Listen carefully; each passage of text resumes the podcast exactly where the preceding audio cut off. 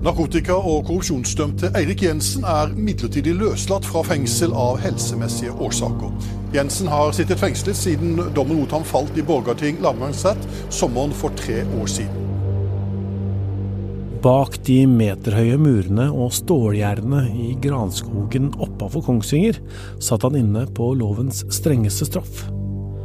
Men forrige uke blei Eirik Jensen henta ut i snøværet i en svart SUV, knapt tre år etter at han kjørte inn. Jeg vil tro at det er veldig få som hadde sett for seg at Eirik Jensen skulle blitt løslatt nå eh, under tre år etter at han da endelig, eh, etter flere runder i retten, da ble eh, dømt til 21 års fengsel. 21 år i fengsel var dommen den tidligere politimannen endte med, for korrupsjon og narkotikaforbrytelser. Nå er helsa hans så dårlig at han ikke kan sone på cella, mener de som har vurdert ham. Jeg vil liksom snu den. Det var nok mye vanskeligere for han eh, å få til dette enn det ville vært for en hvilken som helst annen innsatt med samme eh, helsesituasjon. Hvordan kan man få pause fra straffa si? Jeg heter Tor Erling Tømtrud, og dette er Krimpodden i VG.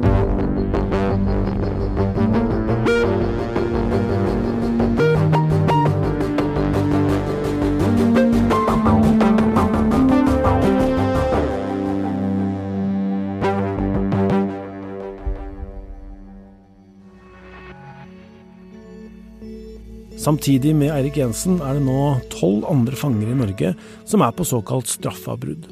Syke barn, brann i leiligheten din eller demens kan f.eks. være grunner til det.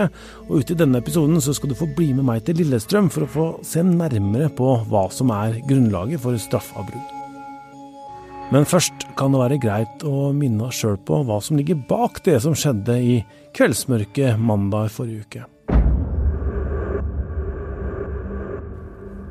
Det hele starta for ti år sia, da Gjermund Cappelen blei pågrepet av politiet, og etter hvert sikta for grov narkotikaforbrytelse. I avhør så pekte han på Eirik Jensen, som på den tida var politimann. Cappelen mente at Jensen hadde lagt til rette for smugling av tonnevis med hasj. Eirik Jensen var på den tida en av Norges mest kjente politimenn. Han var kjent for arbeidet sitt opp mot det kriminelle MC-miljøet og gjengmiljøet i Oslo. Han blei pågrepet og sikta for grov korrupsjon. Sjøl om han seinere slapp ut av varetekt, så var saken langt fra ferdig i mai for da ni år sia.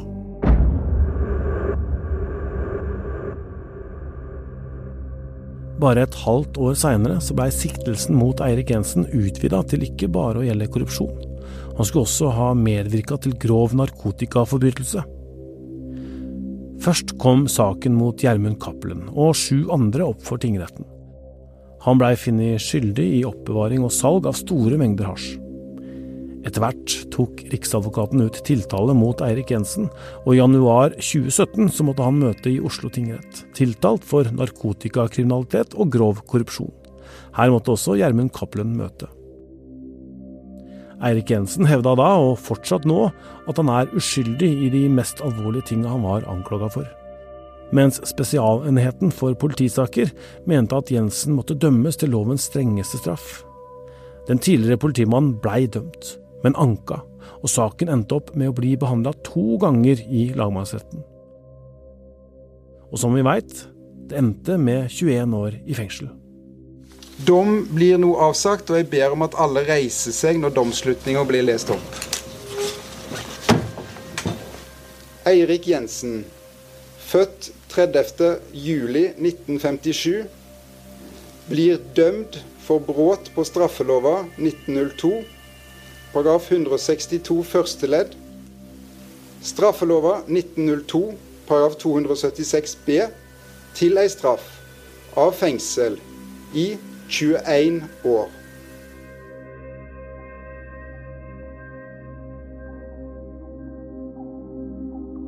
Så, i forrige uke fikk vi nyheten om det som advokatene til Eirik Jensen har jobba for en stund, nemlig en slags midlertidig løslatelse, et straffavbrudd som det kalles.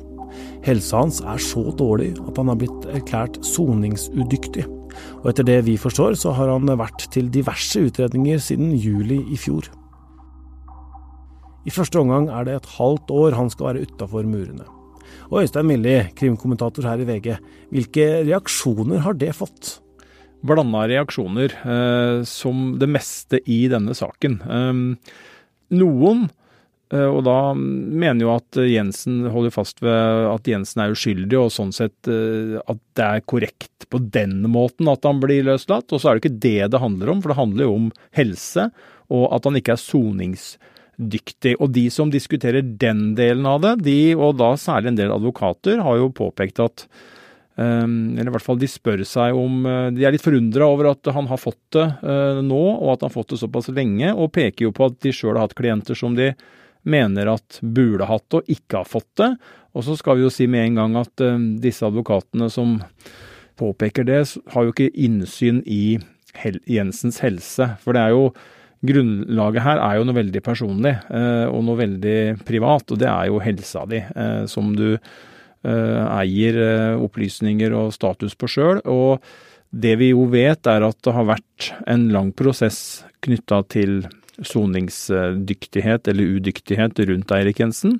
Flere fagpersoner har konkludert med det samme, at han ikke er soningsdyktig. og Derfor så ble han da eh, på folkelig vis løslatt, men juridisk sett så er han jo ikke løslatt. Han har, som du helt riktig påpekte, bare et avbrudd. Og øh, kan jo, en av mulighetene er jo at han blir frisk nok til å sone igjen. Dette blir vurderinger som eh, må gjøres underveis. Og du, Øystein, var jo nettopp og snakka med Eirik Jensens advokat Jon Christian Elden. La oss høre hva han hadde å si om hvorfor klienten hans fikk dette soningsavbruddet. Fordi at han ble funnet soningsudyktig. Eh, når man er soningsdyktig, da skal man ha straffavbrudd. Da er man ikke lenger i den kategorien hvor man kan søke om det og vurdere å få det, men han er ikke i stand til å sone. Eh, og per i dag så er det vurdert sånn at han er varig soningsudyktig, dvs. Si at han ikke skal sone mer fengselsstraff. Men de har en begrensning i loven som gjør at de gir avbrudd på inntil seks måneder av gangen. For da så å ta en ny vurdering om han er blitt bedre i løpet av de seks månedene. Hvis han ikke er det, så er han fortsatt varig soningsudyktig og kan ikke sone fengselsstraff. Eh, så når de da fikk en tidlig tilbake om at han var soningsudyktig, så måtte han eh, løslates. Det er ikke noe hjemmel i norsk lov til å sone fengselsstraff i en sånn helsesituasjon. Jeg har ikke tenkt å gå inn på innholdet av hans helsetilstand, Hva er den konklusjonen som er trukket. Eh, og sagt, Ikke primært av oss eller forsvareren av han selv, eh, men av fengselets eget helsepersonale. Av personer som fengselet kriminalomsorgen har sendt han til og hatt han til utredning hos osv., som er samstemte i sine konklusjoner. Ja, og så har vi jo sett at eh, enkelte da eh, mener at dette er en slags forskjellsbehandling. At eh, Erik Jensen får dette soningsavbruddet, mens andre fanger får det ikke. Fordi da han er var politimann, og på en måte da politiets egne, da, kan du si. Ja, jeg, altså jeg tror ikke det jeg tror ikke det er der det ligger hvis, hvis, det er en forskjellsbehandling her, så tror jeg det er fordi at Jensen har hatt uh, gode ressurser bak seg og rundt seg, som har øh, brukt tid og krefter på å få frem det faktum da, som er slått fast nå, at Jensen ikke er soningsdyktig. Og der tror jeg nok det er mindre, altså fanger som har mindre ressurser rundt seg, Eh, som kan slite med å få frem sine argumenter og få sin sak så godt belyst som jo er situasjonen her. Eh, skal, skal, det være sånn, da? Nei, det er et godt spørsmål. Og det, i, i, i, den konteksten så kan man jo si at det er en forskjellsbehandling eller en klassejus fordi at du mangler Du har ulike forutsetninger.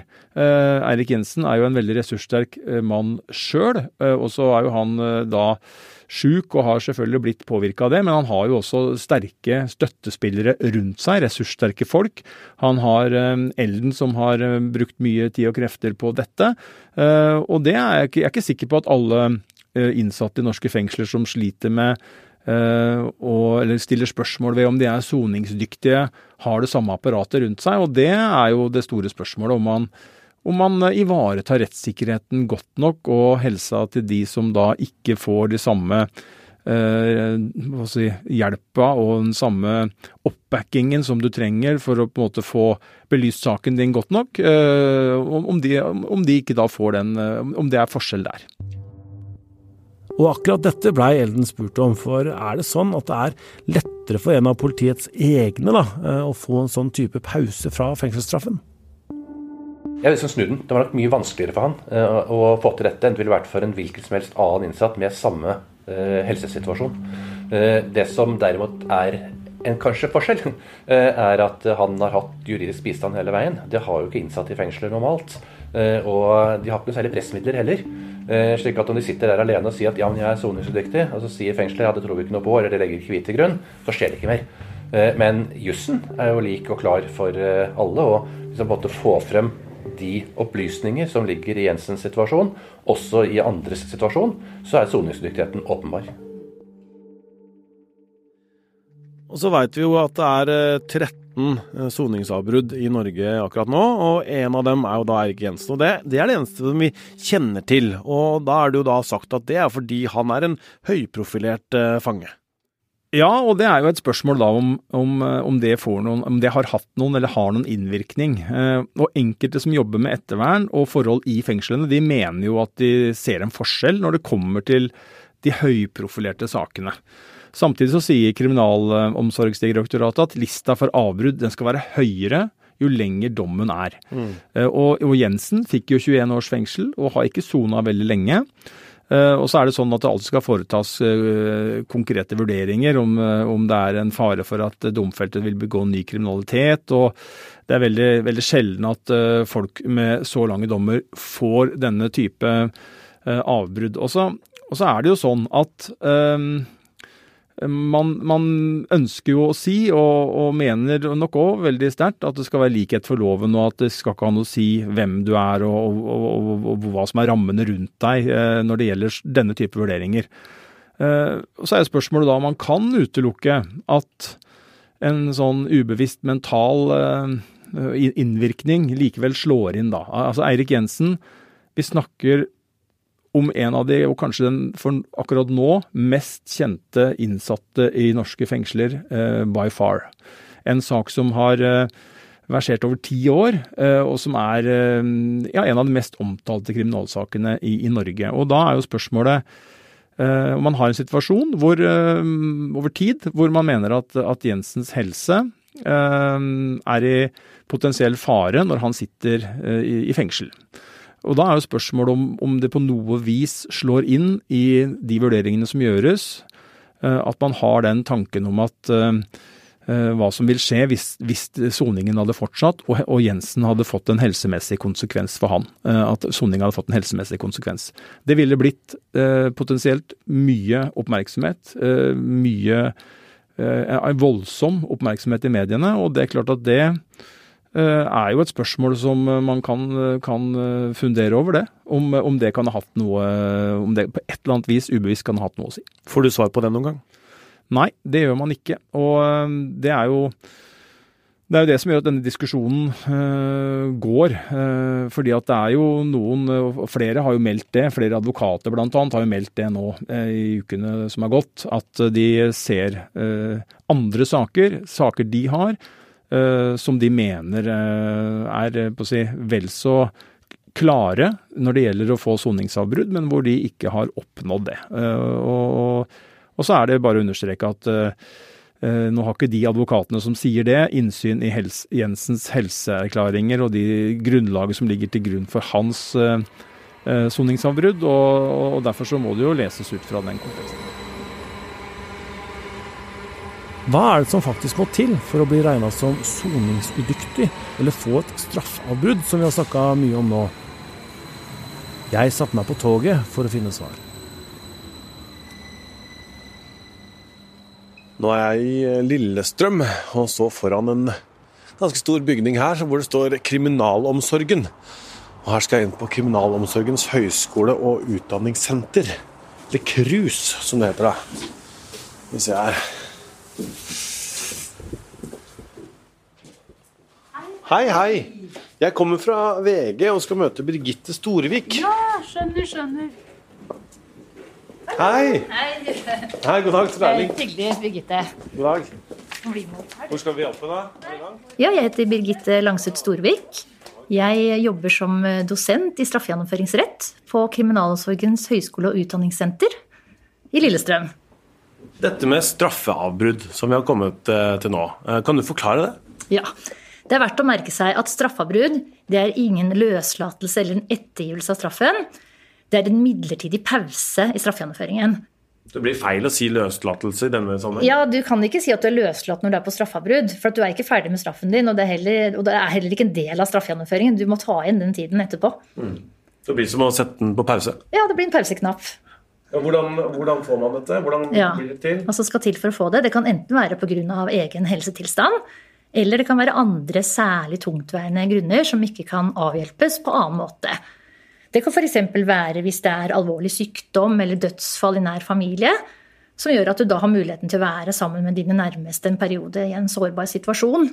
Det kan også være mm, barn som sliter psykisk, hvor det da vil avhjelpe situasjonen at mor eller far kommer hjem en periode. Eh, eller så kan det være private, akutte ting som oppstår. Det kan være du har en leilighet for vannlekkasje, og så må du hjem og ordne en del praktiske ting i forbindelse med det. Eh, hvis det er pga. domfeltes helse, da må det være godt dokumentert at domfelte har enten fysiske eller psykiske problemer som gjør at eh, kriminalsorgen ikke kan ivareta deg på en god måte. Mm, og da må man i den sammenheng se på alternativer. For det, det, er mange måter å gjennomføre en fengselsstraff på. Det kan være aktuelt å overføre domfelte til et fengsel med lavere sikkerhetsnivå, hvor du får mer frihet. Det kan være aktuelt med overføring til sykehus eller en institusjon. Eh, det kan også være aktuelt med å gjennomføre straffen i egen bolig med elektronisk kontroll, såkalt fotlenkesoning. Men det kan man normalt ikke gjøre før det er et halvt år igjen til løslatelse. Så hvis ikke det er noen andre alternativer til å ivareta den domfelte, så er straffavbrudd siste utvei, da. Er det noe du må søke om, da? eller? Ja, da må du søke om det. Så det er kriminalsaken som avgjør. Mm. Og I tillegg til å vurdere om det er en situasjon som gjør at det er grunnlag for straffavbrudd, så må man også vurdere sikkerheten. For straffavbrudd skal man i utgangspunktet ikke få hvis det er fare for at du vil begå ny kriminalitet, eller at du vil unndra deg straffen, at du ikke kommer tilbake eh, til avtalt tid. Eller hvis du bryter vilkår som er satt for straffavbruddet. For man kan sette vilkår i en straffarbeidsperiode hvis det er nødvendig av hensyn til sikkerheten. Mm. Det kan f.eks. være at du skal møte jevnlig for politiet, eller at du skal bo på en bestemt adresse, eller at du ikke har lov til å forlate Norge, f.eks. Det man også må ta stilling til eh, ved spørsmål om straffavbrudd, det er hensyn til straffens formål. Og i det ligger bl.a. hensynet til den allmenne rettsoppfatning. Hvordan vil allmennheten reagere på at du får innvilget et straffavbrudd? Og der må man jo veie dette hensynet opp mot eh, helsesituasjonen til den innsatte. Da. For at eh, kriminalsorgen har jo også et, en plikt til å ivareta den innsatte. Og hvis helseutfordringene er så store at du er soningsudyktig, da skal du ikke sitte i fengsel. Så da vil straffavbrudd kunne være en utvei. Men uh, hvor lang tid pleier sånne straffavbrudd å være? Eh, det, som hovedregel så skal ikke straffavbrudd innvilges mer enn fire uker. Ofte blir det innvilget kortere enn det også. Så må man se an situasjonen når det kommer etter de ukene. Og hvis situasjonen fortsatt er eh, vanskelig, så kan det være aktuelt å forlenge straffavbruddet. Kanskje med nye fire uker, eventuelt med enda lengre tid, og noen ganger også på ubestemt tid. Så vi har jo domfelte som har fått eh, innvilget straffavbrudd gjennom flere år. Men her er det snakk om eh, seks måneder, da. Det er litt uvanlig, det? eller? Ja, jeg kjenner ikke til noen eksempler på det. Eh, men, men der er det tydeligvis tatt en vurdering av hans eh, helsesituasjon. At det sannsynligvis ikke vil skje noen endring før det har gått inntil et halvt år. Da. Og Hva kan da skje når det avbruddet er ferdig? Pausen er ferdig? Ja, Etter et halvt år da må det jo komme ny dokumentasjon på Jensens eh, helsesituasjon. Og hvis den fortsatt er så dårlig at han ikke er i stand til å komme tilbake til straffegjennomføring, så må man se på andre alternativer. Da kan det være aktuelt med at straffeavbruddet blir forlenget. Men hvis han blir erklært såkalt varig soningsudyktig. Dvs. Si at det ikke er utsikter for at han på lang tid vil bli bedre. Da kan det være aktuelt at han får innvilget noe vi kaller for ECVAS, elektronisk kontroll for varig soningsudyktige. Dvs. Si fotlenkesoning over lengre tid enn et halvt år, som egentlig er det, det er hovedregelen. da. Eh, og det, det, er en ordning som gjør at personer som ikke er i stand til å gjennomføre straffen på annet vis, får muligheten til å gjøre opp for seg da, ved at man, man kan gjennomføre straffen i egen bolig. Er det straff liksom da, å være hjemme? Ja, det er absolutt straff å være hjemme med elektronisk kontroll. Fordi at du får ganske stramme rammer rundt deg. Da har du en fotlenke, og du har innetider. Du skal stort sett eh, være hjemme. Du skal være sysselsatt på dagtid med et eller annet, i den grad du er i stand til, da, ut fra helsesituasjonen, men det tilrettelegges på en eller annen måte at du skal, skal kunne sysselsettes med noe. Du har rusforbud, og du har jevnlig oppfølging av kriminalomsorgen. Sånn at du Det ville absolutt føles som straffegjennomføring ved å være hjemme med fotlenke. Hvis helsesituasjonen eh, tilsier det, så, så, kan man også søke om benådning. Eh, vi kjenner jo til eh, Det ene eksempelet jeg kjenner til, det er Arne Treholt. Ja, det er den de fleste kjenner til. Ja. Mm -hmm. Hva skal til for det? Det benådning det er noe som innvilges av Kongen i statsråd. Og det, også, det blir noen av de samme vurderingene ut fra helsesituasjonen hvis man er så dårlig at man ikke er i stand til å gjennomføre straffen. Og, og da kan man få ettergitt deler av straffen. da. Så, så, det kan godt være at Eirik Jensen sitter og, og jobber med en benådningssøknad. Men, men, lista ligger veldig høyt. Også her ligger den ekstra høyt når du har en alvorlig dom, lang tid igjen. Eh, og jeg tenker også at eh, etter at man innførte ECVAS, det var i 2020 at det ble innført, eh, og da vil jeg tro at lista ligger enda høyere for å få innvilget benådning, for at man har et alternativ en annen måte å gjennomføre straffen på enn å sitte i fengsel. Da.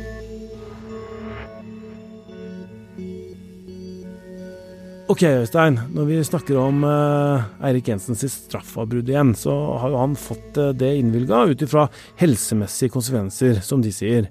Og så, så, kan man jo da tenke seg at uh, hvis du da blir dømt til lovens strengeste straff, og du mener sjøl at du er uskyldig, så kan man jo bli sjuk av det.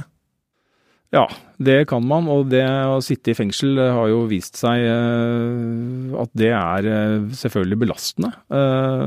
Og så er jo det noe av hensikten med straffen nå, det er at du skal jo være frihetsberøvet. da, og Du skal uh, sitte i et fengsel og sone en straff. Uh, for to år siden så kom det jo en undersøkelse som, som, viste at det er en økning av innsatte med omfattende helse- og omsorgsbehov.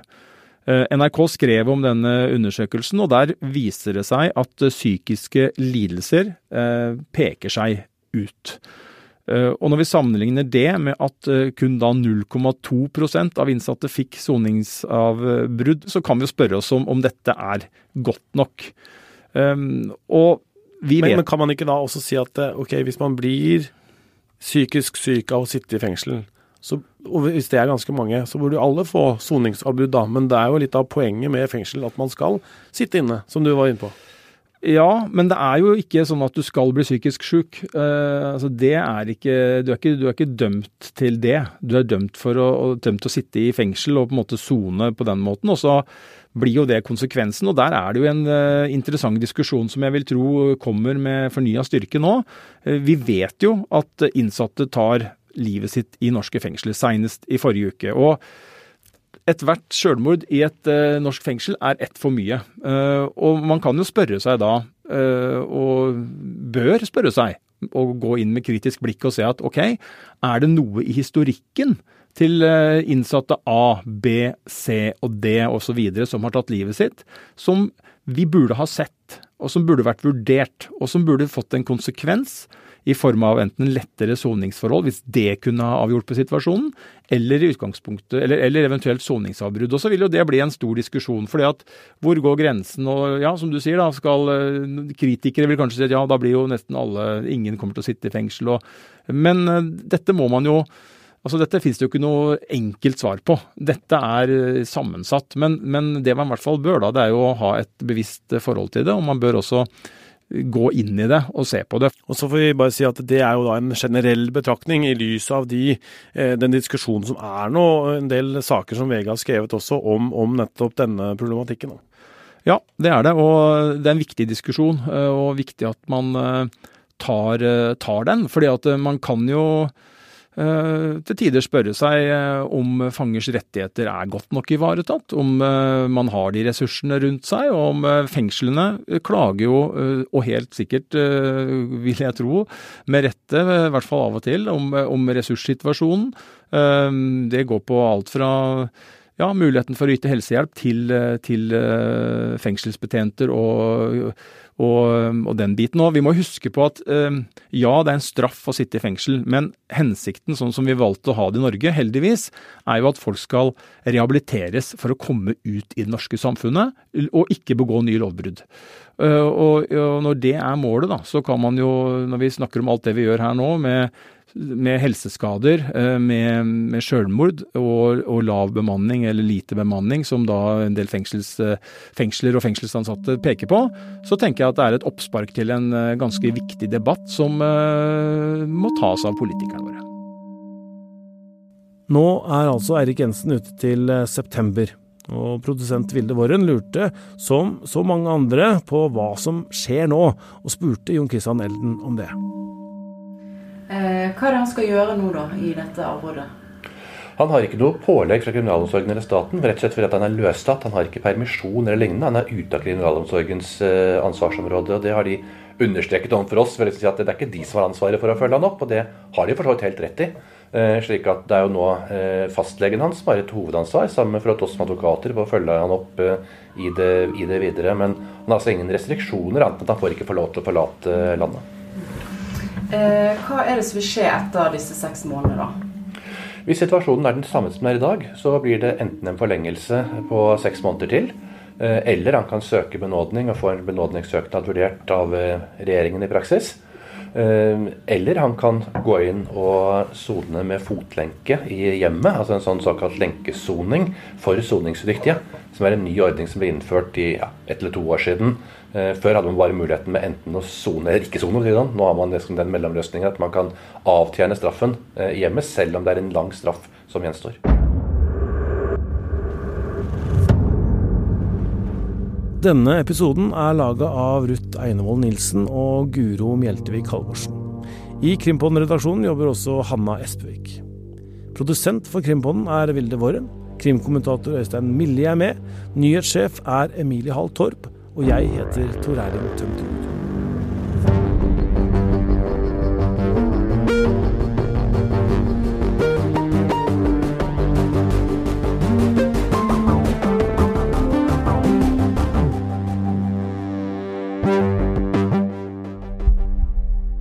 Har hørt en podkast fra VG.